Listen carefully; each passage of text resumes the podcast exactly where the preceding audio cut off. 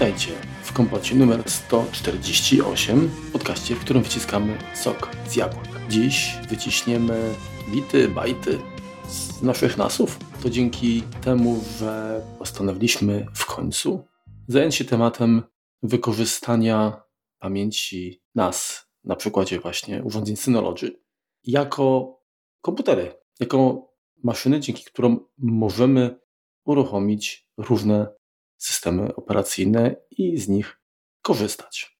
Już padła nazwa naszego sponsora, ale gwoli ścisłości przypomnimy, przypomnimy, że od ponad roku naszym partnerem i sponsorem jest właśnie firma Synology, o czym już wiecie. Ofertę przybliżamy również przez ten czas sukcesywnie, więc zapraszamy.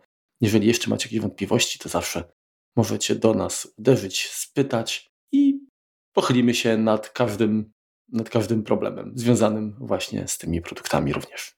Zgadza się. Oczywiście mój głos alabastrowy już rozpoznaliście. Nazywam się Marek Telecki, mam przyjemność dzisiaj prowadzić ten odcinek, natomiast ze mną jest jak zawsze Ramek Rychlawski, cześć. Także nasza dwójka w wakacyjnym nastroju. Słonko przyświeca. Tak, chociaż chmurki zapowiadałem, że może być nieco mokro. No ale zobaczymy, co z tego będzie. Jak u kogo? Dobrze. Bez y, już tutaj przeciągania. Wirtualizacja na NASie. No przede wszystkim troszkę przybliżymy, powiemy czym ta wirtualizacja jest, bo generalnie chyba każdy z Was jakoś tam się obił. My zresztą jakiś czas temu nagraliśmy odcinek Wilk w owczej skórze, o ile dobrze pamiętam tytuł, mhm. Y, którym przybliżyliśmy możliwości emulacji. Natomiast wirtualizacja jest podobna, ale to jednak nie jest dokładnie to samo. Więc y, warto tutaj te różnice, które są jednak bardzo znaczące, przybliżyć. Remku, jesteś tutaj specem od technicznych y, zawiłości. Wyjaśnij, czym jest wirtualizacja i czym różni się właśnie od emulacji. Są to dość podobne zagadnienia tak naprawdę i w pewnych miejscach nawet się nieco, nieco zazębiają. Wirtualizacja to jest po prostu udawanie innego komputera na naszym komputerze, ale z takim samym procesorem. Domyślnie, nawet z dość podobnym hardwarem. Chodzi po prostu o to, żeby naraz uruchomić drugi jakiś, czy drugi inny, czy, czy kilka różnych systemów operacyjnych. Emulacja to jednak e, udawanie jakiegoś zupełnie innego komputera z zupełnie innej rodziny, jeśli chodzi o, o sam procesor. Czyli generalnie, gdyby się okazało, że systemy, które emulujemy na przykład y, z uwagi na jakiś sentyment, tak? czy są to systemy komputerów 8 czy 16-bitowych, gdyby one dziwnym trafem pojawiły się w wersjach chociażby na procesor Intela, to dałoby się je pewnie zwirtualizować. Mhm. Natomiast z uwagi na to, że to są zupełnie inne, inne architektury, inne oprogramowanie i no, inny kod musi być przetłumaczony, więc tutaj wirtualizacja tego nie załatwia, bo wirtualizacja jest, jak rozumiem, jak wiem zresztą, jest to bardziej e, dzielenie się zasobami hosta na potrzeby no, sąsiadujących czy współdzielących właśnie tego hosta innych systemów. Zgadza się. No tutaj przy wirtualizacji mamy zgodność większą, więc jakby jest to łatwiej robić. To z jednej strony, a z drugiej strony to po prostu tak najnormalniej w świecie szybciej, bardziej wydajnie działa, bo mniej sił, energii, czasu procesora musimy jak gdyby zmarnować na to tłumaczenie na jakiś inny, inny język. No dobrze, ale jak mamy na przykład emulację, to możemy zaemulować z różnym skutkiem oczywiście, ale jakieś układy specjalizowane. Natomiast tak. tu, jeżeli mamy kartę graficzną na przykład bez wsparcia 3D, to wirtualizacja nam nie umożliwi, prawda, y, mhm. zaemulowania wsparcia 3D. Tak, no wirtualizowane są, czy, czy emulowane w tej wirtualizacji, bo to są właściwie takie sterowniki wirtualne, nie, nie rzeczywiste. są karty sieciowe, karty graficzne, karty muzyczne. Tutaj możemy, mhm. mamy pewną dowolność zazwyczaj, co ten, co ten wirtualizer, ta maszyna, która ten udawacz tak, taki ale dla, daje. dla systemu gościa nie będzie nigdy dostępny coś, coś, co jest powiedzmy lepsze albo o większych możliwościach niż to, czym dysponuje host. Ależ oczywiście.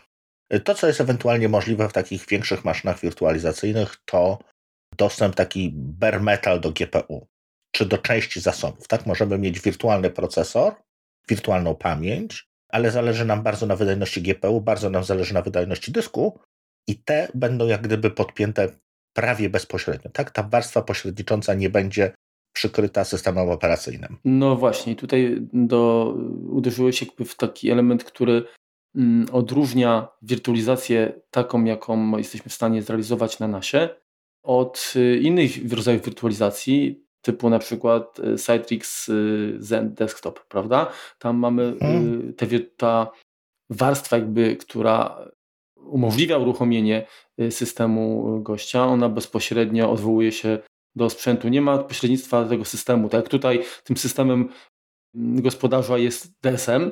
Tak jest. Natomiast tam już, już jakby tego, a, a później tym hypervisorem jest y, Virtual y, Machine Manager, mhm. Bo to jest to oprogramowanie, które, o którym dzisiaj będziemy dużo mówić. To w tych bardziej powiedzmy enterprise'owych rozwiązaniach, no tam tym hypervisorem jest już właśnie ten, ten Zen Desktop czy, czy podobne jakieś rozwiązanie. Zgadza się. Okej. Okay tego, tej nadbudówki jest troszeczkę mniej w rozwiązaniach dedykowanych. O, może tak to, tak to mhm. uprośćmy troszeczkę. Dobrze, no to w takim razie, jak już wiemy, co to jest, no to nasuwa się pytanie, jakie korzyści to daje, tak? Czyli yy, co możemy osiągnąć? No właśnie. A po co mnie to? No po co? no to tak może pierwsze, co przychodzi mi do głowy, tak może się będziemy wymieniać troszeczkę tutaj, no to możemy sobie stworzyć jak gdyby własny komputer w chmurze. Czyli o co mi chodzi? No jeżeli mamy niech to będzie ten nas, już będziemy się go trzymać. No on właściwie zawsze jest włączony, tak, no bo mamy do niego dostęp, no jak wychodzimy z domu, to go nie wyłączamy. To jest maszyna, która działa zawsze. Jeżeli sobie uruchomimy tam jakiś, jakąś maszynę wirtualną, która po prostu będzie działała w tle, no to możemy się z nią połączyć no, ze wszystkiego, tak? Z iPada, z telefonu, z innego komputera. Więc y, jakby sobie możemy stworzyć taką własną, bardzo, bardzo prywatną chmurę. Mhm. Kolejna sprawa, myślę, to jest też fakt, że znaczy w zasadzie to do tego do jakby szerzej dojdziemy, tak? Natomiast chodzi mi o to, że mm, ten komputer, on może posiadać, mhm. ten wirtualny komputer, tak, on może posiadać system zupełnie inny od tego systemu, który dysponuje nas, powiedzmy, podstawowy komputer, tak? Czyli korzystając z Maca. Oczywiście, że tak. Mamy, może się zdarzyć mm, potrzeba mm, skorzystania z systemu Windows czy Linux i w tym momencie oczywiście można byłoby to zrealizować na, na komputerze tym fizycznym, który, którym dysponujemy, ale często jest to akcja niezbyt powiedzmy częsta czy, czy jednorazowa wręcz i tutaj prawdopodobnie wykorzystanie zasobów NASA, który i tak właśnie chodzi i jest włączony, mhm. jest zwyczajnie dużo wygodniejsze, tak? Zwłaszcza, że, że ten NAS y, posiada zasoby chodzi o przestrzeń dyskową, mhm. zwykle większe niż, niż to, co mamy wbudowane chociażby w, jakiegoś, w jakimś laptopie, tak? No tak, a szczególnie jeżeli nie, nie zawsze możemy to zrobić, bo jeżeli mamy Maca na M1, mhm. czy jego następcy, to już Windowsa jako takiego nie uruchomimy, który, który jest dedykowany do x86. Tak? Możemy uruchomić Windowsa armowego, ale na nim też nie wszystko działa, więc tutaj zaletę daje nam to, że dalej mamy ten sam procesor. E, to, co Marku też, też wspomniałeś, i to też się jeszcze przewinie, ale to ja już muszę od razu, od razu powiedzieć, bo mi się jakaś taka czerwona lampka załatwi, zapaliła. Tylko pamiętajmy, że wirtualizując właśnie jakiegoś Windowsa czy jakąś inną maszynę na NASie, że tak, że dysku mamy dużo, ale o pamięć i procesor też musimy zadbać. Tak? Że to nie jest tak, że, e, że te zasoby tam się biorą gdzieś tam z powietrza. No, jeżeli chcemy mieć wydajny system wirtualizowany, no to musimy, musimy tutaj zadbać o, o po prostu silniejszą maszynę, na której to uruchamiamy. No i też trzeba wziąć pod uwagę, że jednak to jest komputer wirtualny, więc y, jego powiedzmy wydajność no, no, jest ograniczona tym właśnie urządzeniem głównym, mhm. którym dysponujemy, czyli nie da się jakby tutaj oczekiwać cudów. Czasami trzeba się uzbroić po prostu w cierpliwość, a biorąc pod uwagę, że dostęp do takiej maszyny wirtualnej też odbywa się po sieci, no nawet sieci lokalnej może to być mniej komfortowe niż praca bezpośrednio z fizycznym dostępem do maszyny przecież. Jasne, jasne, oczywiście. E, to, co do mnie też bardzo przemawia, to jest e, szybkie odtwarzanie po awarii, tak, że możemy zrobić sobie taką maszynę, powiedzmy, testową, taki, też będziemy o tym troszeczkę mówić, taki poligon doświadczalny, gdzie e, instalujemy sobie różne rzeczy, sprawdzamy różne rzeczy, no i odtwarzanie po awarii, no to jest przegranie jednego pliku w gruncie rzeczy, tak, no bo cały ten obraz, cała, całe jak gdyby ustawienia możemy sobie wyeksportować gdzieś na bok, napsuć, napsuć, napsuć, na koniec przywrócić i, i po prostu w ten sposób sobie działać. Dokładnie. Więc to są sekundy, a nie, a nie jakieś tam, nie wiem, powiedzmy instalacja całego systemu operacyjnego na średnio wydajnym komputerze, niech to będzie pół godziny. Mhm. Tutaj to 15 sekund potrwa. No wiadomo, jeżeli mamy do czynienia z komputerem takim fizycznym, no to nieraz pewnie zdarzyło się Wam, zwłaszcza korzystając z, systemów alternatywnych, tak, do macOSa. Okienkowych. Tak, y, na, napotkać no, jakiś problem, który, którego przyczyną była, no, mogła być nawet zwykła aktualizacja, więc y, posiadając taką maszynę wirtualną z Windowsem, jeżeli nie jesteście przekonani, czy pewnie do tego, y, czy warto zainstalować jakieś uaktualnienie na swoim komputerze fizycznym, no to zawsze warto jest powiedzmy poświęcić maszynę wirtualną na testy i dopiero potem, oczywiście ten sprzęt będzie, pewnie będzie się różnił, natomiast jeżeli te błędy nie będą jakieś kardynalne, takie, takie bardzo znaczące, no to, to, to y, albo inaczej, jak, jak będą właśnie, to wyjdzie to prawdopodobnie również i na maszynie wirtualnej. Dokładnie tak. To co, to, co też przydaje, do czego się przydaje wirtualizacja, to jest możliwość uruchamiania, czy możliwość gdzieś trzymania starych wersji już niewspieranych systemów operacyjnych. Ja kiedyś, jak jeszcze bardzo mocno używałem Parallels Desktop na laptopie, to miałem gdzieś tam ze sobą, no jasne, że nie na dysku głównym, tylko gdzieś na jakimś tam dysku zewnętrznym, wszystkie obrazy starszych systemów, chyba od Liona w górę. Po prostu zainstalowane, zaktualizowane do aktualnych, powiedzmy, do najnowszych, tego co się dało wgrać. I miałem po prostu taki, jeżeli potrzebowałem sprawdzić, że jakiś program będzie działał na jakimś starszym systemie, to po prostu brałem, robiłem kopię, uruchamiałem, sprawdzałem, czy działa i tyle. Albo jak z drugiej strony, jeżeli kiedyś było dużo, dużo fajnego oprogramowania, które. Już nie ma wsparcia. Nie ma wsparcia, dokładnie, szczególnie opartego na QuickTime, no to po prostu mogłem sobie wziąć jakiś takiego, jakiś, jakiś taki system i, i, i po prostu uruchomić ten program, który, którego potrzebowałem. Myślę, że nawet y, takie rozwiązanie może okazać się przydatne dla webmasterów, tak? gdzie nie wymaga później instalacji wszystkich możliwych przeglądarek na komputerze własnym, tylko na maszynie wirtualnej i, i, i to również pod, pod, różnymi systemami, mhm. co myślę może pozwolić przetestować e, pewne rozwiązania właśnie w różnych środowiskach Zgadza się. niewielkim kosztem. Zgadza się, dokładnie tak. Mówiłeś o, o, o tym szybkim otworzeniu po awarii, no bo wiadomo, że tutaj może być nasz błąd, może być problem z oprogramowaniem, mogą być e, wirusy, tak, e, jakiś malware i tak dalej. Zgadza się. E, I, I, tutaj jakby jakie mechanizmy pozwalają jakby to, to, to zrealizować, to o tym powiemy nieco później. Mhm.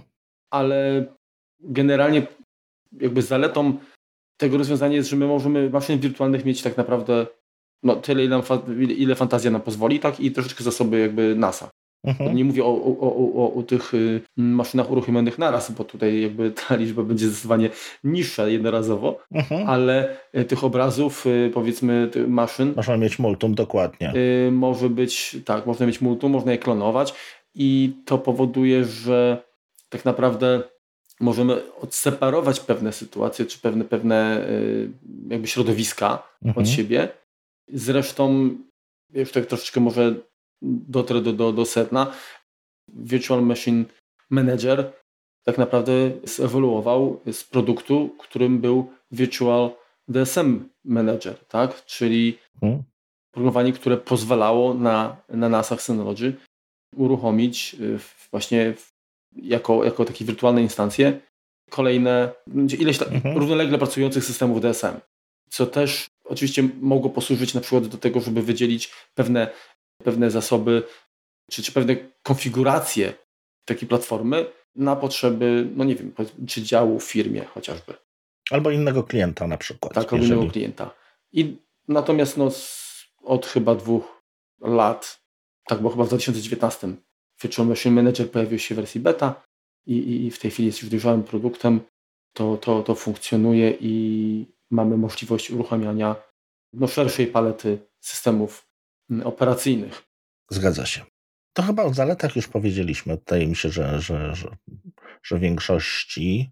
No jeszcze z takich rzeczy, które nie powiedzieliśmy, tylko mało pewnie mało osób z Was będzie to interesowało, możemy sobie zrobić taką, taką piaskownicę dla wirusów. Tak, jeżeli coś dziwnego do nas przyjdzie i, i nie jesteśmy pewni, czy to jest coś złego, czy dobrego, no to możemy sobie to gdzieś tam po prostu uruchomić na jakiejś tam separowanej maszynie i, i mieć gwarancję, że, że gdzieś dalej się to nie rozlezie. Tak? Jeżeli to sobie z tej maszyny jakby odłączymy sieć, czy, czy w jakiś tam sposób ją bardziej wyizolujemy, no to mamy po prostu takie środowisko testowe, taką, Także jak, jak chcecie, taki plac zabaw. jak chcecie otwierać załączniki, których nie powinniście, to lepiej na maszynie wirtualnej. Tak, jest to, jest to jakaś, tam, jakaś tam metoda. No dobrze. To teraz, y, jeżeli chodzi o, o, o systemy operacyjne, jakie możemy systemy y, operacyjne zwirtualizować? Windowsa od siódemki w górę, również z systemami serwerowymi, prawda?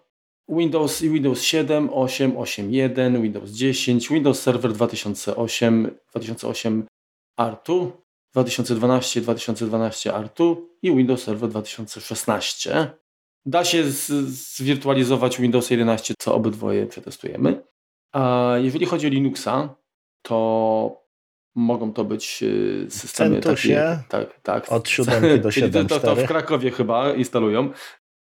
CentOS 7.7.3, Fedora 19.25, OpenSUSE, tak? Mhm. Lib 42.2, Red Hat Enterprise od 7 do 7.4. Tak, tak, czyli bardzo podobnie jak CentOS, yy, SUSE czy SUSE Linux Enterprise Desktop 12, no i Ubuntu 15.4, 16.10, tak? Zarówno wersje 32, jak i 60. Ja nawet 20 instalowałem. No, tak naprawdę no to jest bardzo, bardzo dużo. Jest wiele systemów, których nie ma tutaj wymienionych, bardziej, bardziej takich mniej popularnych. Mhm, mhm. Też się daje najczęściej uruchomić. E, czasem są jakieś tam problemy ze sterownikami, ale no to jest to. No właśnie, to teraz. To, to teraz jest to do, do ogarnięcia. Powiedz, czy instalowałeś jakiegoś macOSa? Wirtualizowałeś? Nie, nie, nie wirtualizowałem macOSa. Wiesz co, nie podejrzewam, żeby się łatwo to dało zrobić. MacOS ma ograniczenie przede wszystkim licencyjne, że... Nie powinno się w ogóle tego robić, tak, to po pierwsze, tak. System Apple'owy możemy instalować na innym systemie, y, systemie Apple'owym. Nie, nie, nie, nie powinno się instalować na urządzeniu innego producenta. Mhm. Więc tego nie czyniłem nigdy. Dobrze, to teraz jak już wiemy, co możemy zwirtualizować, tak pokrótce, mhm. to warto powiedzieć, co tak naprawdę potrzebujemy, żeby tę wirtualizację no, uruchomić, zainicjować. Tak? No, potrzebujemy NASA. Tak? Potrzebujemy NASA, musi mieć jakiś procesor. E, ten procesor musi być Intela lub AMD, musi być zgodny z x86. Są jakieś tam metody na wirtualizację procesorów ARM, natomiast e, no, tutaj liczba systemów operacyjnych, czy nawet dostosowanie systemu do konkretnego hardware'u jest dość zwięzłe, więc nie jest to popularne rozwiązanie i Synology nie zdecydowało się na włączenie tego. Tak, czyli jeżeli chcemy wirtualizować, no to musimy sobie co najmniej, to urządzenie musi mieć co najmniej plusik, czyli, czyli musi mieć tam jakiegoś Celerona na pokładzie. No, Im mhm. szybszy procesor, tym lepiej, tym będzie tych zasobów można było więcej tam umieścić. Dokładnie. Jeżeli chodzi o pamięć. To jak zawsze, im więcej, tym lepiej. Z tego, co yy, znaczy tak, to co znajdziemy oczywiście w jakichś materiałach to jest jedna sprawa, to co w, realnie umożliwi jakąś komfortową pracę to, to jest inna rzecz. Czyli tak jak powiedziałeś, im więcej tym lepiej. Przypuszczam, że maszyny, które mają 8, 10, 12, 16 i więcej pamięci mhm. spiszą się lepiej. Generalnie to jest tak, że mniej więcej około 1,5 GB chyba pobiera sam, sam DSM. Mhm. Więc y, zakładając, że potrzebujemy pamięć dla systemu gościa, plus zapotrzebowanie odpowiednie tam na... Mm, dyski wirtualne, to tam troszeczkę pożera wszystkie. Na dyski, tak, na, na kartę, na, na, kart, na procesory, tak, każdy rdzeń też tam ileś, to mniej więcej, jeżeli byśmy chcieli pewnie dla, powiedzmy, Windowsa czegoś innego przeznaczyć 2 GB, no to 4 warto to, mieć. To, to, to 4 trzeba mieć, dokładnie. Dokładnie. Więc tutaj, natomiast no możemy sobie zwirtualizować systemowi temu wirtualnemu, dać naprawdę mało pamięci, uruchomić jakiegoś Linuxa, który będzie robił jakieś, nie wiem, proste rzeczy, będzie zaporą sieciową, czy będzie obsługiwał naszego jakiegoś HomeKita, czy, czy jakąś prostą, prostą funkcję wykonywał, to nie musi mieć dużo pamięci. No tutaj wszystko zależy od tego, co, co ta maszyna wirtualna ma robić, tyle, tyle jej możemy dać, jak gdyby zasobów. Dokładnie. Jeżeli chodzi o przestrzeń dyskową, to tutaj na szczęście jest tak, że my możemy określić e, rozmiar maksymalny, ale on jest przy, przy, z tego co się domyślam, on jest alokowany dynamicznie, czyli, tak. y, czyli jeżeli po, wskażemy przy tworzeniu się maszyny wirtualnej, że dajemy jej 128, to to jest maksymalny rozmiar, natomiast mhm. póki, jeżeli jest wykorzystywane tam, nie wiem, 20 GB, to tylko tyle faktycznie z tej przestrzeni y, znika. Dokładnie tak. To jest, to jest dynamicznie, dynamicznie robione, więc tutaj nie musimy się o to martwić. Okej. Okay. Oczywiście pytanie y, jest teraz takie, no dobrze, posiadamy nasz, naszego NASA, mamy spełnione te wszystkie wymogi, no to jak, jak uruchomić taką maszynę wirtualną? No tutaj jakby kwestie są dwie, no bo oczywiście my możemy już dysponować jakąś maszyną wirtualną, prawda? Mhm. I tutaj Synology, właśnie Virtual Machine Manager pozwala zaimportować gotowe obrazy z innych wirtualizatorów i wsparte tu są różne formaty, konkretnie to jest OWA, VMDK, VHD, VHDX, VDI. Również jest wsparcie do obrazów, ob, obrazów, tak, do obrazów płyt. Także w tej chwili już nie potrzeba mm, żadnego, nie wiem, pendrive'a czy, czy jakiś płyt CD, żeby zainstalować system.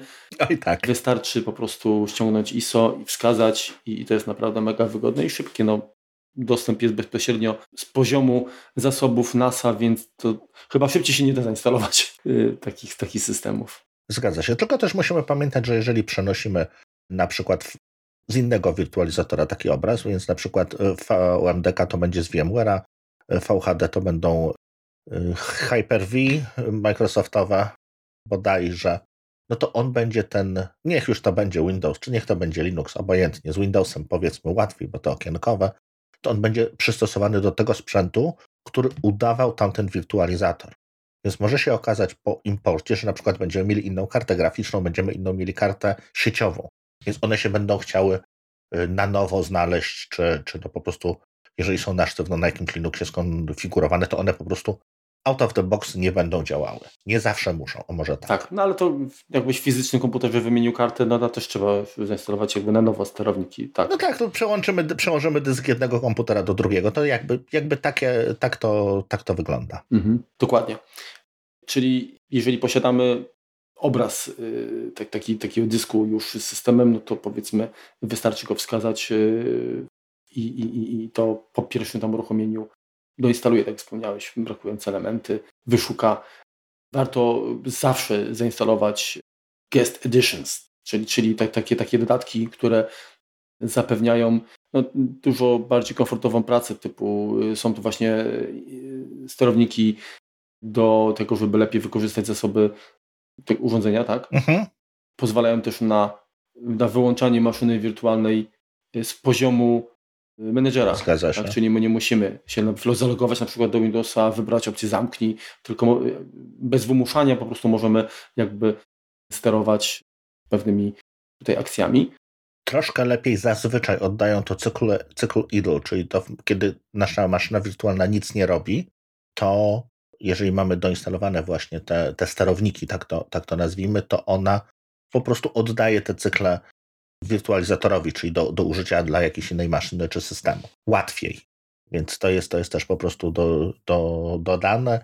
Co często jest dodawane, no to są jakieś funkcje typu drag and drop, tak, że możemy coś do, na przykład wrzucić do, do, tej, do tej maszyny wirtualnej, jeżeli mamy to wirtu, jeżeli mamy wirtualizator jakiegoś desktopowego. Przy, przy nasie nie, niekoniecznie, no bo łączymy się z przeglądarki czy z jakiegoś innego, Dokładnie. Y, innego jak gdyby systemu okienkowego. Mhm. No tak, ale tam jeszcze kwestia jakichś wsparcia e, dodatkowych sterowników USB czy, czy, czy, czy, mhm. czy podobnych rzeczy, to tak, to wtedy zresztą mamy podgląd, widzimy czy te, te dodatki są zainstalowane czy nie. Można je pobrać e, nieodpłatnie oczywiście z poziomu konsoli, czy z poziomu Machine Managera, Virtual Machine Managera. Także to nie jest operacja jakoś tutaj obarczona, wiadomo, jakim wysiłkiem, a, a, a się opłaca, krótko mówiąc. No i generalnie, czyli, co, czyli to jest jakby jedna rzecz. Druga rzecz jest taka, że możemy, posiadając obraz y, ISO płyty instalacyjnej, tak, mhm. Y, możemy po prostu stworzyć nową maszynę wirtualną. I to jest tak raptem kilka kroków, to, bo też określamy, ile rdzeni procesora chcemy wykorzystać, ile pamięci, mhm. nazywamy, wskazujemy właśnie wielkość tego dysku dynamicznego. Ustalamy też, czy to ma być y, BIOS, czy UEFI, jeżeli tam potrzebuje. W danym wypadku, znaczy, najczęściej się stosuje tak chyba mimo wszystko y, zwykły BIOS, prawda? Czy ty wybierałeś gdzieś y, UEFI? Widzisz, nie, raczej czasem, czasem używałem UEFI. Jeżeli wirtualizowałem jakiegoś Windowsa 10, to już z UEFI. On sobie tam chyba troszeczkę lepiej radzi. Mhm.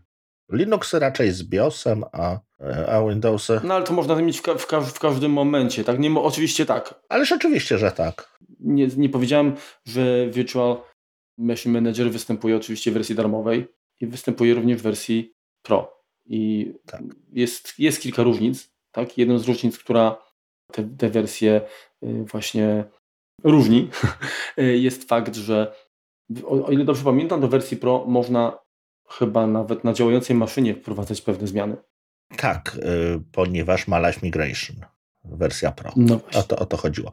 Y, dla nas takie ograniczenia to jest Właściwie one są niewielkie, ponieważ w wersji zwykłej, tej, którą dostajemy z dobrodziejstwem inwentarza, możemy snapshotów wykonać, czyli takich zdjęć z działającego systemu 32, w wersji Pro 255 i wersja podstawowa ograniczona jest, jeżeli mielibyśmy, to też za, za chwileczkę dłużej opowiemy, o tym y, chcielibyśmy mieć y, jakąś maszynę o wysokiej dostępności, czyli stawiamy sobie na przykład 2, 3, 4, 5, 15 nasów i chcemy mieć taką maszynę, że co by się nie działo, to ona ma działać. Ona jest tak ważna, to jest nasz system do wystawiania faktur i on po prostu zawsze musi chodzić.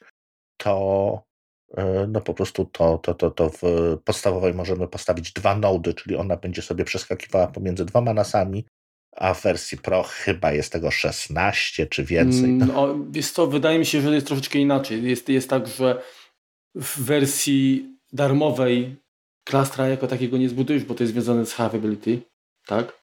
Natomiast wersja Pro jest, mm, są licencje na 3 nody i na 7. Okej, okay. tak, tak, tak, tak, tak, widzisz, masz rację. Także e, niestety, niestety tutaj właśnie, jeżeli zależałoby Wam na zapewnieniu takiej nieprzerwanej pracy, się, nieprzerwanej, no tam to przyłączenie też chwilkę, chwilkę zajmuje, tak? Mhm. Natomiast y, faktycznie na maks zmaksymalizowaniu albo zminimalizowaniu przerw y, w, w niedziałaniu mhm takich, takich y, maszyn wirtualnych, no to rzeczywiście rozwiązaniem jest Synology VMM Pro.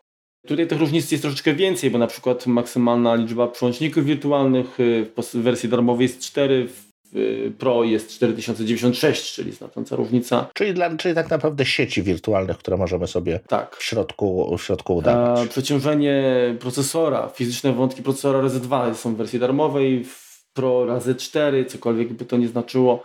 Taki overprovisioning, czyli ile możemy mhm. korów tak naprawdę udawać. Oczywiście po utworzeniu maszyny wirtualnej możemy stworzyć łącze na hosta i w przypadku wersji darmowej to będzie jedno łącze, w przypadku Pro tych łącz może być 16. W przypadku wersji Pro oczywiście możemy e, stworzyć zdalny plan replikacji, e, zdalny, zdalną migrację pamięci masowej, E, uruchomić maszynę wirtualną na zdalnym hoście i mamy to wsparcie high availability i migracji na żywo. Także no, dla rynku enterprise, na pewno nie dla szarego Kowalskiego, tak? To są, to są funkcje i one są oczywiście tutaj odpłatne, tak? Ale... I to już mówimy o poważnych maszynach typu SA3200 na przykład. Dokładnie. Także tego na DS220 Plus i tak byście nie wykorzystali. Tak? tak. Ale w gruncie rzeczy, wiesz, no to jest kwestia tego y, i, i, fa, i fajnie, bo można sobie tego 20-20 plus kupić mhm. i nauczyć się Jasne. wielu, wielu rzeczy, które później e, przydadzą się. Nie, nie, ale to ja wiesz, nie umniejszam, tylko uważam, że każde z tych rozwiązań jest yy, bardzo fajne, ale trzeba być świadomym użytkownikiem, tak wybierasz? Szyte na miarę jest, no dokładnie. Tak, tak. I też jest jakby list, lista rekomendowanych, ile, ile możemy tych wirtualnych procesorów na konkretnym urządzeniu umieścić. Tak? To jeżeli mamy Y, tego DSA 2020 maksymalna ilość pamięci 6 GB RAMu, która jest oficjalnie wspierana, no to, to, to Synology zaleca 2. Więc no nie, to jest nie, tak realnie, nie? Tak, takie tak. dwie maszyny naraz działające pewnie, pewnie tam wytrzyma to. To trzeba przyznać. no dobrze. Czyli mamy zainstalowaną maszynę wirtualną, możemy ją uruchomić, no i zainstalujemy Guest Tool, wiemy Guest Tool, czyli te dodatki. Teraz jak to uruchomić? Tak jak uruchamiamy, to w tym to domyślnym, domyślne uruchomienie to jest otwarcie okna przeglądarki i uruchomienie desktopu, tak, mhm. tej, tej, tej maszyny wirtualnej. właśnie w oknie przeglądarki, co działa fajnie i, i nie wymaga niczego więcej, tak, bo mamy komputer z przeglądarką właściwie wszędzie, ale najszybsze nie jest, prawda? Tak jest. Jest dużo, ale dużo y, lepiej sprawdzają się tutaj dedykowane rozwiązania, czyli ja na przykład y, korzystam ze skądinąd dobrego programowania, czyli Microsoft Remote Desktop i, i łączę się za pomocą właśnie niego do, mojej maszyn, do moich maszyn wirtualnych i powiem szczerze, że działa to naprawdę przyzwoicie. Dokładnie. To, co możemy też ustawić y, w opcjach tej maszyny wirtualnej, to możemy ustawić, że ona ma się uruchamiać nam razem z systemem. To jest przydatne w momencie, kiedy chcemy mieć właśnie taką tą naszą y, maszynę, nazwijmy tą taką chmurową, tak? Czyli mamy coś, co sobie działa -hmm, w tle mm -hmm. i... Zgadza się. I, i... Czyli przerwa w zasilaniu, czy coś ten desen i, i, i bo też możemy wymusić na przykład, żeby to się uruchamiało tak, to zawsze, mhm. zawsze będzie to, to, to działać. Mhm. W stanie, dokładnie. Dobrze, warto właśnie zwrócić uwagę na to, że jak już stworzymy taką maszynę wirtualną, to jest mnóstwo opcji, które możemy wykorzystać do jakby zarządzania nią. Możemy ją sklonować na przykład, tak? Czyli mhm. mamy system i chcemy właśnie porobić sobie kilka środowisk różnych takich, takich poligonów doświadczalnych, to nie musimy instalować tego samego systemu 10 razy, tylko po prostu klonujemy, tak? Mhm mówiłeś o, o tym przywracaniu po awarii. I tutaj możliwości też są dwie, tak, bo oczywiście możemy przed przystąpieniem do jakichś testów zrobić sobie klona czystego systemu. Dokładnie, tak. I, i, po, I potem po prostu usuwamy ten, który nam się tam skiepścił, tak? Ale jest inne rozwiązanie, do którego też y, przydatne są właśnie y, te dodatki Guest Tool, czyli y, migawki. Snapshoty, dokładnie. Możemy stworzyć harmonogram migawek, znaczy to nie działa oczywiście, znaczy ręcznie można też wymusić, natomiast mhm. Y, to, to nie jest tak, że każda zmiana jest na bieżąco od razu tam zapisywana, ale możemy ustalić różne, różne harmonogramy. Do, domyślnie tam są proponowane harmonogramy na przykład co godzinę, dziennie, raz w tygodniu i, i, i, i co to powoduje? No, jeżeli mamy działający system, y, no to jak się tam coś wysypie, no to możemy wrócić migawką do sytuacji sprzed y, tej katastrofy, tak? I jest to też szybciutkie, więc no... To jest troszeczkę tak jakbyście, tak jakbyście jak punkt mieli... odzyskiwania Właśnie. w Windowsie, tak? Tak, tylko no. że tutaj działa. Ale również tak jak Time Machine działa, tak? Jeżeli coś w momencie, kiedy no nie macie podłączenia do, do zewnętrznego dysku, gdzie ta kopia się robi, no to te zmiany, które, które wprowadzacie na, na jakichś tam plikach, to one są jak gdyby trzymane gdzieś tam z boku, tak? Jest, ta, jest ten Time Machine, o którym tam opowiadaliśmy ostatnio, lokalnie na dysku.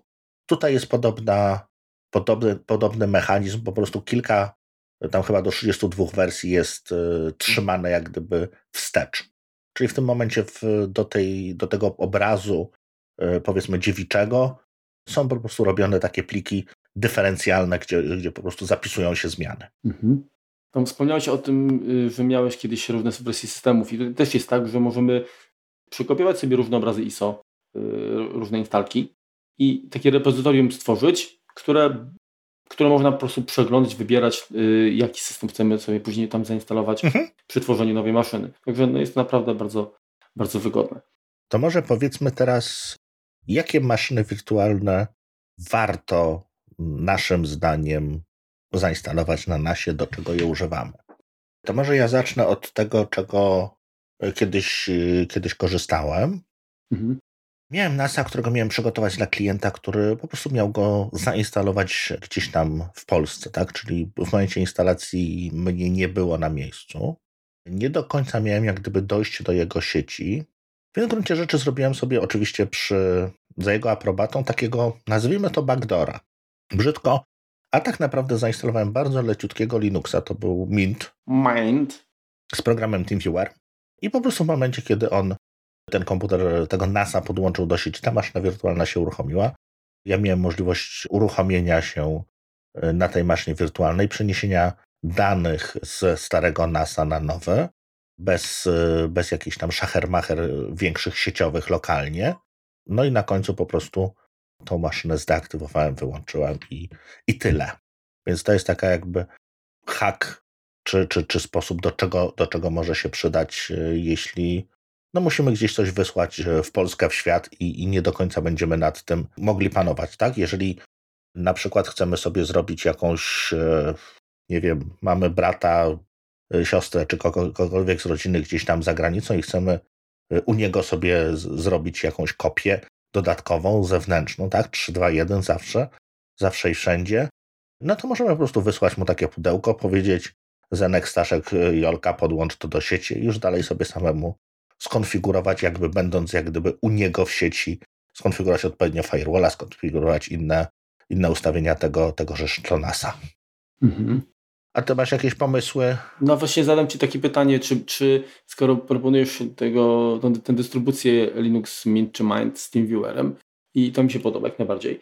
A co powiesz, czy warto na przykład wykorzystać NASA do, mm, do wirtualizacji innej dystrybucji? Chodzi mi konkretnie o, o Kali Linux. Wiesz no tak, można, oczywiście, no zależy tylko co, co mamy, jakie mamy zamiary, tak? Kali Linux mhm. no ma dwie strony ten medal, wyraźnie. Jedna, jedna służy do rzeczy dobrych, druga do nie, niekoniecznie dobrych. No tak, no można jak gdyby, tylko wiesz, no w tym momencie tego NASA mamy no u siebie gdzieś tam w sieci i jasne, jeżeli chcemy sobie zbadać bezpieczeństwo na tej sieci, naszej sieci, to idealne idealna jak gdyby możliwość, bo, bo mamy to gdzieś tam zawsze pod ręką, możemy to uruchomić, to nie, nie specjalnie dużo zasobów nie potrzebuje. Pomysł dobry. I ja sam korzystam tylko i wyłącznie do, jak, jak na razie, tak na chwilę obecną, mm, wykorzystuję Synology VM Manager do wirtualizacji Windowsów różnych. Mhm. Pewnie gdybym prowadził jakąś działalność i jeszcze być może wykorzystywał oprogramowanie, które już właśnie nie jest wspierane, jakieś nie wiem, DOSowe albo pod starsze systemy, to, to pewnie by to była mhm. też tutaj właśnie to był argument za tym. Także tak paradoksalnie to, co oferuje sam NAS, czyli to, te, te pakiety dodatkowe, hmm. mi załatwia większość moich oczekiwań, więc tak, dla mnie nie, maszyna wirtualna tutaj jest troszkę takim bardzo zaspokojeniem chyba takiej ciekawości, mhm. chociaż oczywiście są mm, rzeczy, które dla których właśnie czasami od, odpada tego, tego Windowsa, ale to jest właśnie to, że jest to tak uniwersalne rozwiązanie, że każdy znajdzie pewnie jakąś niszę, jak, jakieś zastosowanie. Tak, no możemy sobie wirtualizować jakieś takie no, niepopularne systemy, tak Chrome OS-a, Android, Android TV, y, no bo są obrazy, które, które możemy w ten sposób y, pobrać, uruchomić no i po prostu sprawdzić, jak to jest, czy, czy, czy użyć je do czegoś, bo do czego Też jeszcze, jeszcze akurat tam będą potrzebne. Chrome OS-a to bym z ciekawości zainstalował, ale powiem Ci, że Androida to nie wiem, jakoś mnie to tutaj nie chciałbym skazić mojego NASA żadnym takim. Ale widzisz, no to wyrzucasz nie, maszynę wirtualną i nie, i nie było sprawy.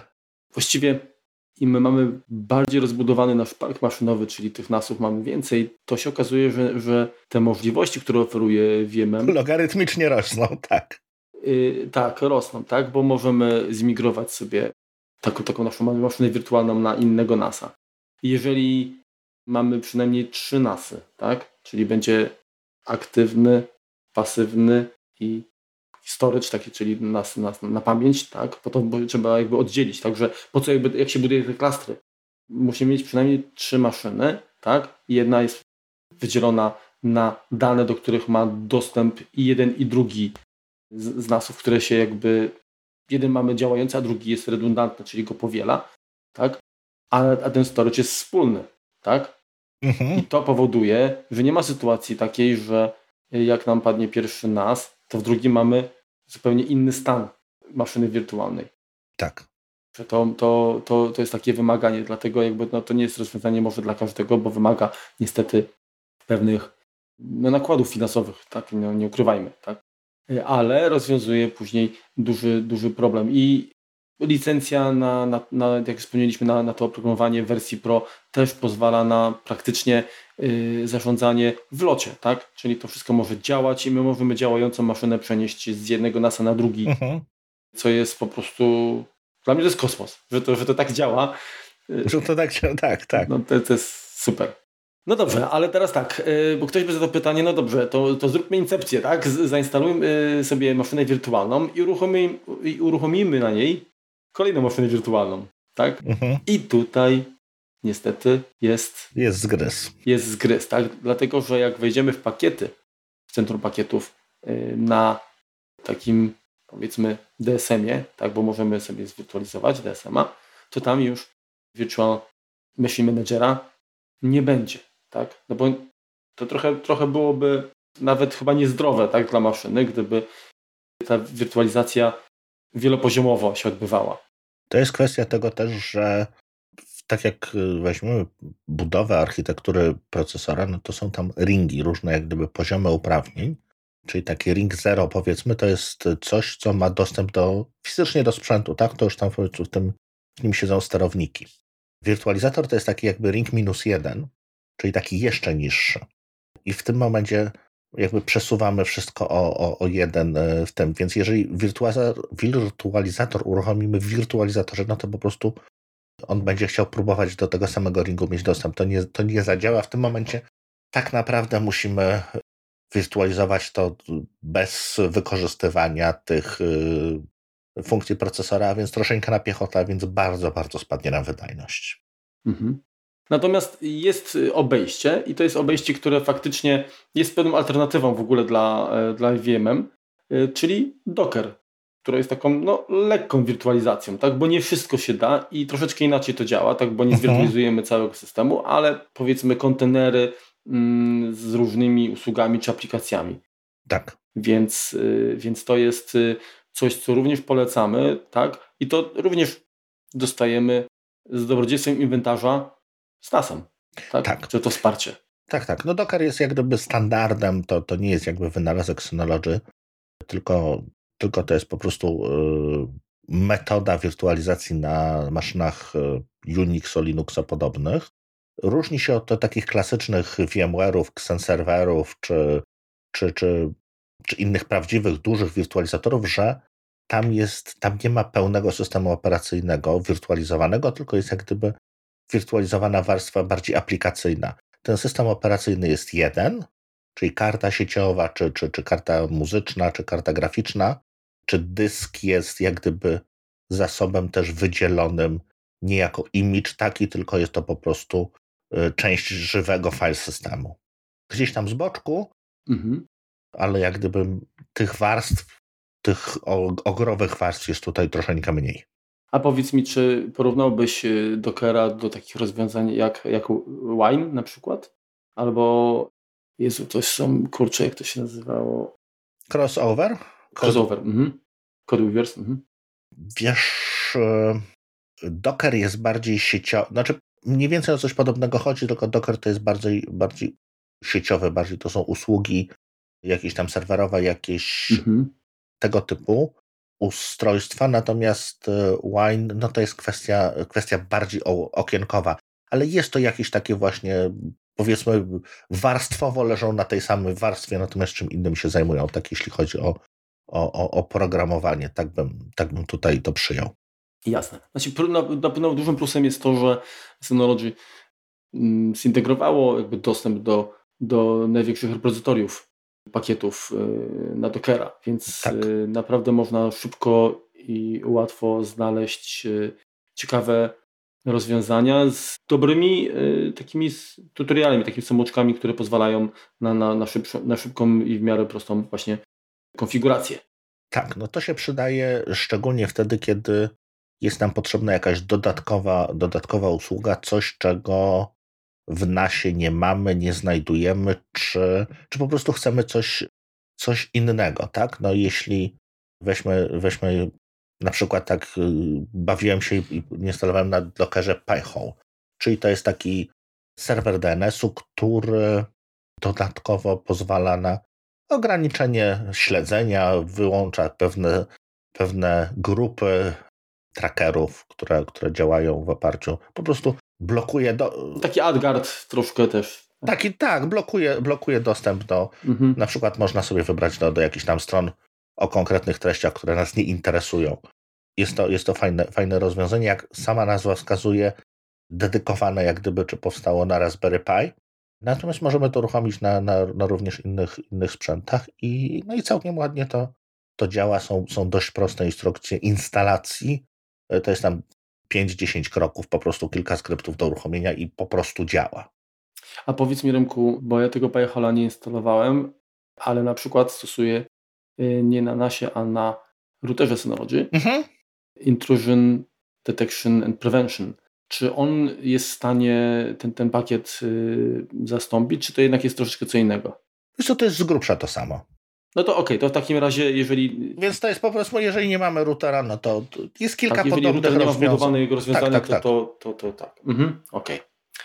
No widzisz, ja akurat wykorzystałem Dockera do czegoś innego, mianowicie do zainstalowania wirtualnej bramki Homebridge, która, mhm.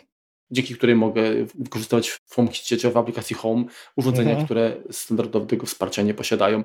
I też y, rzeczywiście ta konfiguracja była stosunkowo prosta. Obok Homebridge'a jest też, też warto, yy, warto wspomnieć, że jest Hubs, który no tak naprawdę działa na, na home, częścią home, odłamem Homebridge'a, o. Ale również jest yy, IO Broker do zainstalowania, jest Open Hub i Home Assistant, czyli tych, yy, tych wspierających różne rozwiązania Smart Home rozwiązań jest dużo. Właśnie, chciałem powiedzieć, że to jest dobre rozwiązanie, bo tak naprawdę potrzebujemy systemu, który będzie chodził non-stop będzie nadzorował pracę urządzeń, a co może być lepsze niż, niż nas, który z, jakby z definicji powinien chyba być włączony non-stop. Dokładnie, no to zasobów nie potrzebuje prawie żadnych, no skoro to działa na jakimś Raspberry Pi'u, no to tutaj, tutaj jak najbardziej nam pójdzie. Fajne jest również to, że możemy się na przykład y, dzięki Dockerowi, dzięki zainstalowaniu odpowiednich paczek y, połączyć na przykład, nie wiem, z Nextcloudem, tak? Mamy w gruncie rzeczy Synology Drive, który jest bardzo fajny, ale jeżeli chcielibyśmy połączyć się z jakimiś zasobami innych usług, których powiedzmy Synology natywnie nie wspiera, tak? Czy to będzie Nextcloud, czy to będzie SyncThing, czy to będzie Mega albo Droppy. Dropiego nie znam, ale coś takiego istnieje też. No to po prostu możemy sobie to doinstalować, tak? No ktoś, kto decyduje się na Open Media Vault, jako swojego NASA, no to już na tym Synology Drive'a sobie nie zainstaluje. Natomiast my jak najbardziej możemy sobie zainstalować jakiegoś SyncThinga i, i dzięki temu łączyć się z innymi dyskami, dyskami takimi sieciowymi, tak to nazwijmy. Mhm. A powiedz mi, do czego ty jeszcze wykorzystujesz Dockera poza PyHolem? Wiesz co, bawiłem się między innymi, postawiłem sobie serwer Bitwardena. Jest to coś takiego, powiedzmy, jak One Password, mhm. E, coś takiego jak C2 Password, które, które oferuje Synology, czy KeePass, czy, czy, czy inne takie. E, Manager. Manager haseł, manager haseł mhm. dokładnie. Umożliwia on hostowanie samemu, tak? Czyli, czyli Bitwarden e, jakby daje aplikację, daje również możliwość uruchomienia u nich tej, tego systemu, tak? Oni, oni mogą ci hostować to ten pęk kluczy, ale równie dobrze możesz sobie go postawić samemu. To nim się bawiłem. Nie bardzo mi się sprawdził, w sensie zostałem jednak przy One Passwordzie, ale, ale jak najbardziej można, można coś takiego uruchomić. Z fajnych rzeczy, które, które również tam znalazłem i kiedyś, kiedyś testowałem, to jest Calibre Web. To jest taki. Właśnie, po, powiedziałeś Calibre, to mi się kojarzy z takim programem do konwersji publikacji na różne formaty typu EPUB, MOBI i tak dalej i zarządzania nimi. To jest taki przeglądarkowy Kindle, powiedzmy. Mhm. Umożliwia... No to, to, czyli jest, jest blisko. Więc, je, więc jest blisko. Umożliwia właśnie magazynowanie swojej, swojej biblioteki. Możemy sobie również doinstalować jakieś klienty BitTorrentów. Naprawdę mnóstwo jest tych aplikacji dockerowych, jakiś JDownloader, FileZilla i mnóstwo, mnóstwo innych.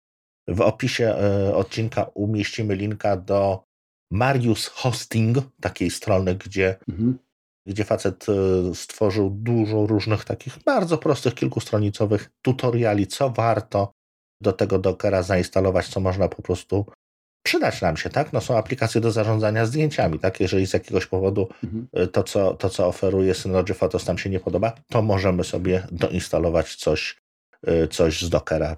No właśnie. Czy, czy, czy generalnie, jeśli chodzi o inne usługi y, również, tak? No na siłę możemy sobie w Dockerze Plexa zainstalować. No pytanie po co? Po co? No, jak jest jako dostępny jako pakiet. No, no właśnie i, i, tak w sumie skończyliśmy na, na Dockerze, który jest, jest po części taką wirtualizacją, ale y, jednak VMM to jest pełna maszyna wirtualna, y, mhm. która no, oferuje dużo lepszą, dużo wyższą stabilność działania tak, i, i efektywność, wydajność. Natomiast y, no, wymaga też jakby powiedziałbym, że... Większych zasobów troszeczkę. Większych zasobów, tak. Natomiast za to ja bym powiedział, że jednak Docker wymaga więcej troszeczkę zachodu z naszej strony. Tak. Kwestia instalacji, konfiguracji. To jednak y, stworzenie maszyny wirtualnej VMem y, jest naprawdę mega intuicyjne, mega proste. Tutaj nie ma, nie ma żadnej, żadnej rocket science. Natomiast Docker już troszkę, y, troszkę wiedzy i myślenia mm, naprawdę wymaga.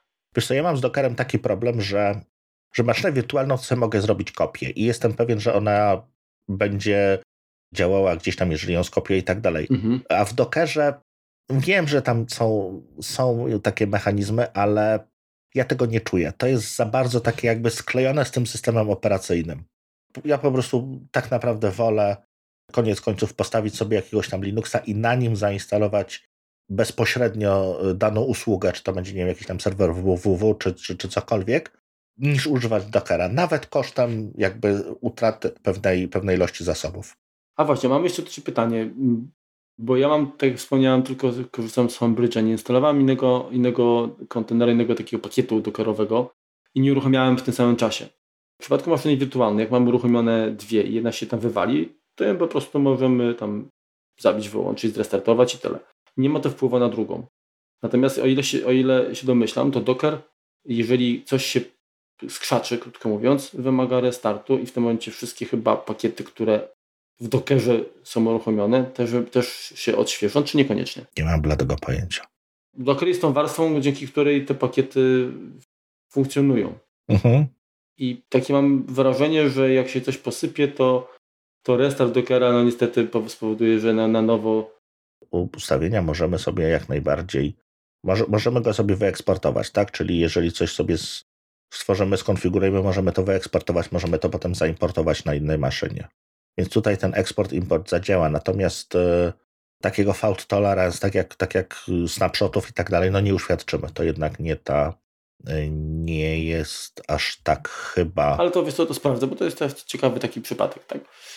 Różnie bywa, tak? Te, te pakiety mogą, to, to, to nie są jakby oficjalne rozwiązania często, tylko jakaś taka, taka partyzantka, która może działać, a nie musi. Tak, też warto, warto zinstalować te pakiety z zaufanych źródeł, tak? Bo są, mhm. właściwie każdy może stworzyć pakiet Dockera, go opublikować, niech to będzie na przykład Bitwarden, który, który będzie naszym menadżerem haseł. Zresztą zaraz piszemy Bitwarden ile nam się znajdzie? No, znajdzie nam się ich trzy strony różnych. Czy wszystkie są dobre? Nie sądzę. Raczej bym sugerował się, o Jezus, więcej tego jest. Sześć stron, 264 różne wersje Bitwardena, tak? No właśnie. I, i tutaj warto, warto instalować te, które ma, mają dużo gwiazdek, a tak naprawdę najwięcej ilość, największą ilość gwiazdek, żeby po prostu mieć, mieć jakąś tam większą, większą pewność, że to jest rzeczywiście. No albo trochę na forach y, się, że tak powiem, bywać. I... Albo, albo doczytać, dokładnie. No ale no, podeśle, podeślemy instrukcję w linkach do, do osoby, która to sprawdziła, która na pewno samym Dockerem zna się lepiej niż na samym Dockerze zna się lepiej niż my, więc, więc tutaj warto, warto będzie zajrzeć. To, co jeszcze powiedzmy tak na, na koniec mógłbym, mógłbym powiedzieć, jeśli chodzi o wirtualizację, przy pomocy Synology. Jest to, jest to fajna sprawa domowa, tak, żeby sobie coś tam e, mieć, mieć takie właśnie małe, małe pole testowe, czy, czy, czy jakiś taki poligonik. Fajnie się to sprawdza przy dużych maszynach, jeżeli rzeczywiście mamy gdzieś tam w biurze jakieś potężne, potężne nasy, czy, czy, czy możemy sobie po prostu w budżecie danego projektu pozwolić na, na zakup takich, takich maszyn, to rzeczywiście nieźle działa, ale żeby zrobić taki bieda wirtualizator, tak? Czyli mamy powiedzmy jakieś tam stare serwery, które no powiedzmy już nie są wykorzystywane, bo to są serwery nie, sprzed 5-6 lat, tak? Już, już, już nie są potrzebne firmie, już te, te Windowsy, serwery przestały na tym wydajnie działać, gdzieś, ta, gdzieś to nam się przesunęło. To z takich maszyn myślę, że warto sobie zrobić właśnie wirtualizator, tak jak na przykład ja zrobiłem przy pomocy XCPNG, czyli Xena. I w tym momencie Synology fajnie działa jako dostawca dysków. Tak? Czyli ten, tą moc procesora, tą ilość pamięci, no gdzieś tam będziemy mieli sobie na zewnątrz na jakichś innych e, maszynach, a, a Synology użyjemy po prostu w tym, czym się sprawia najlepiej, czyli, czyli po prostu jako duży dysk sieciowy z dostępem do jakichś lanów z i tak dalej, i tak dalej. Właśnie, yy, chciałem też zwrócić uwagę na to, że ponieważ ta maszyna, ta maszyna wirtualna, czy, czy, te, czy, czy, czy więcej maszyn wirtualnych y, uruchamiamy na nasie, to uwierzcie, że dostęp do dysku jest tam naprawdę szybki. Tak. To to działa wyjątkowo dobrze. O ile procesor, powiedzmy, ta moc obliczeniowa może być yy, no, różna, tak? Mhm. I, i, I też, tak powiem, ilość pamięci przełoży na wydajność, to sam mm, zapis i odczyt da, z danych na takiej maszynie robi wrażenie i, i to, to, to nie ma się jakby poczucia tego, że, że, że, że trzeba tutaj jakby na coś, na coś czekać. Szczególnie jak masz SSD cache. Tak bo to jednak tutaj, tutaj pokazuje swoje, swoje, swoje zalety, że, że to rzeczywiście. No, a już albo w ogóle macie już opartą na dyskach SSD całych, tak? No, no to już ale to już nie mówimy o DS2020. Można, ale po co? Chociaż oglądałem dzisiaj 4-terabajtowe dyski SSD, nawet nie były szczególnie drogie. Hmm. Ale niekoniecznie do wykorzystań sieciowych, bo to było QLC. No dobrze. To coś, Marku, więcej, czy, czy myślisz, że... Ja myślę, że chyba takiego na apetyt tak, dla słuchaczy to chyba wystarczy. Jeżeli będą jakieś konkretne zapytania, to możemy jakiś suplemencik dograć, mhm. bo to też przetestujemy. Na pewno jest to kolejny argument za tym, że warto w takie rozwiązanie właśnie nasowe zainwestować. Z plusikiem. Bo, tak, tak, z plusikiem oczywiście bo to się, krótko mówiąc, y, opłaca. Tak? Ta skalowalność, no mówię, a jeżeli ktoś w ogóle myśli poważnie o tym firmie, mhm. no to tym bardziej, tak? bo posiadanie już przynajmniej trzech i stworzenie klastra daje naprawdę świetne możliwości. No oczywiście to już się wiąże też z jakimiś tam... Wydatkami, ale tak jak i konkurencja, niestety, to są już dodatkowymi nakładami, tak. No ale do, dokładnie tutaj to już jest, no to, jest, to są rozwiązania, które y, dobieramy pod właśnie pod nasze konkretne wymagania. Zgadza się. Także ja jestem zadowolony, że moje urządzenie ma taką funkcjonalność i nawet jeżeli korzystam z niej sporadycznie, to fajnie mieć taką możliwość niż jej zwyczajnie nie mieć, tak? No, Tym bardziej, że, że y, nie, nie musiałem wydać ponadto y, ani, ani grosza dokładnie. więcej. Także jakoś pozwala to zapanować też nad porządkiem z danymi, no bo oczywiście można na komputerze sobie wepchnąć wszystko, tak, no ale, ale po co, tak? Mhm. Więc... Y, no chyba, że mamy jeszcze raz Maca za biedem. To jest też ważna sprawa, że mhm. biorąc pod uwagę te, te, taką robiąc sobie listę, y, co tam nam będzie potrzebne, jeżeli kiedykolwiek pomyślimy sobie, że fajnie byłoby na tym Macu uruchomić Windowsa, czy potrzebujemy uruchomić Windowsa, no to pomyślmy, że no nie musi to być ten nasz komputer, możemy sobie użyć właśnie e, NASA czy, czy jakiegoś innej, innej maszyny do, do wirtualizacji, tak. Mhm.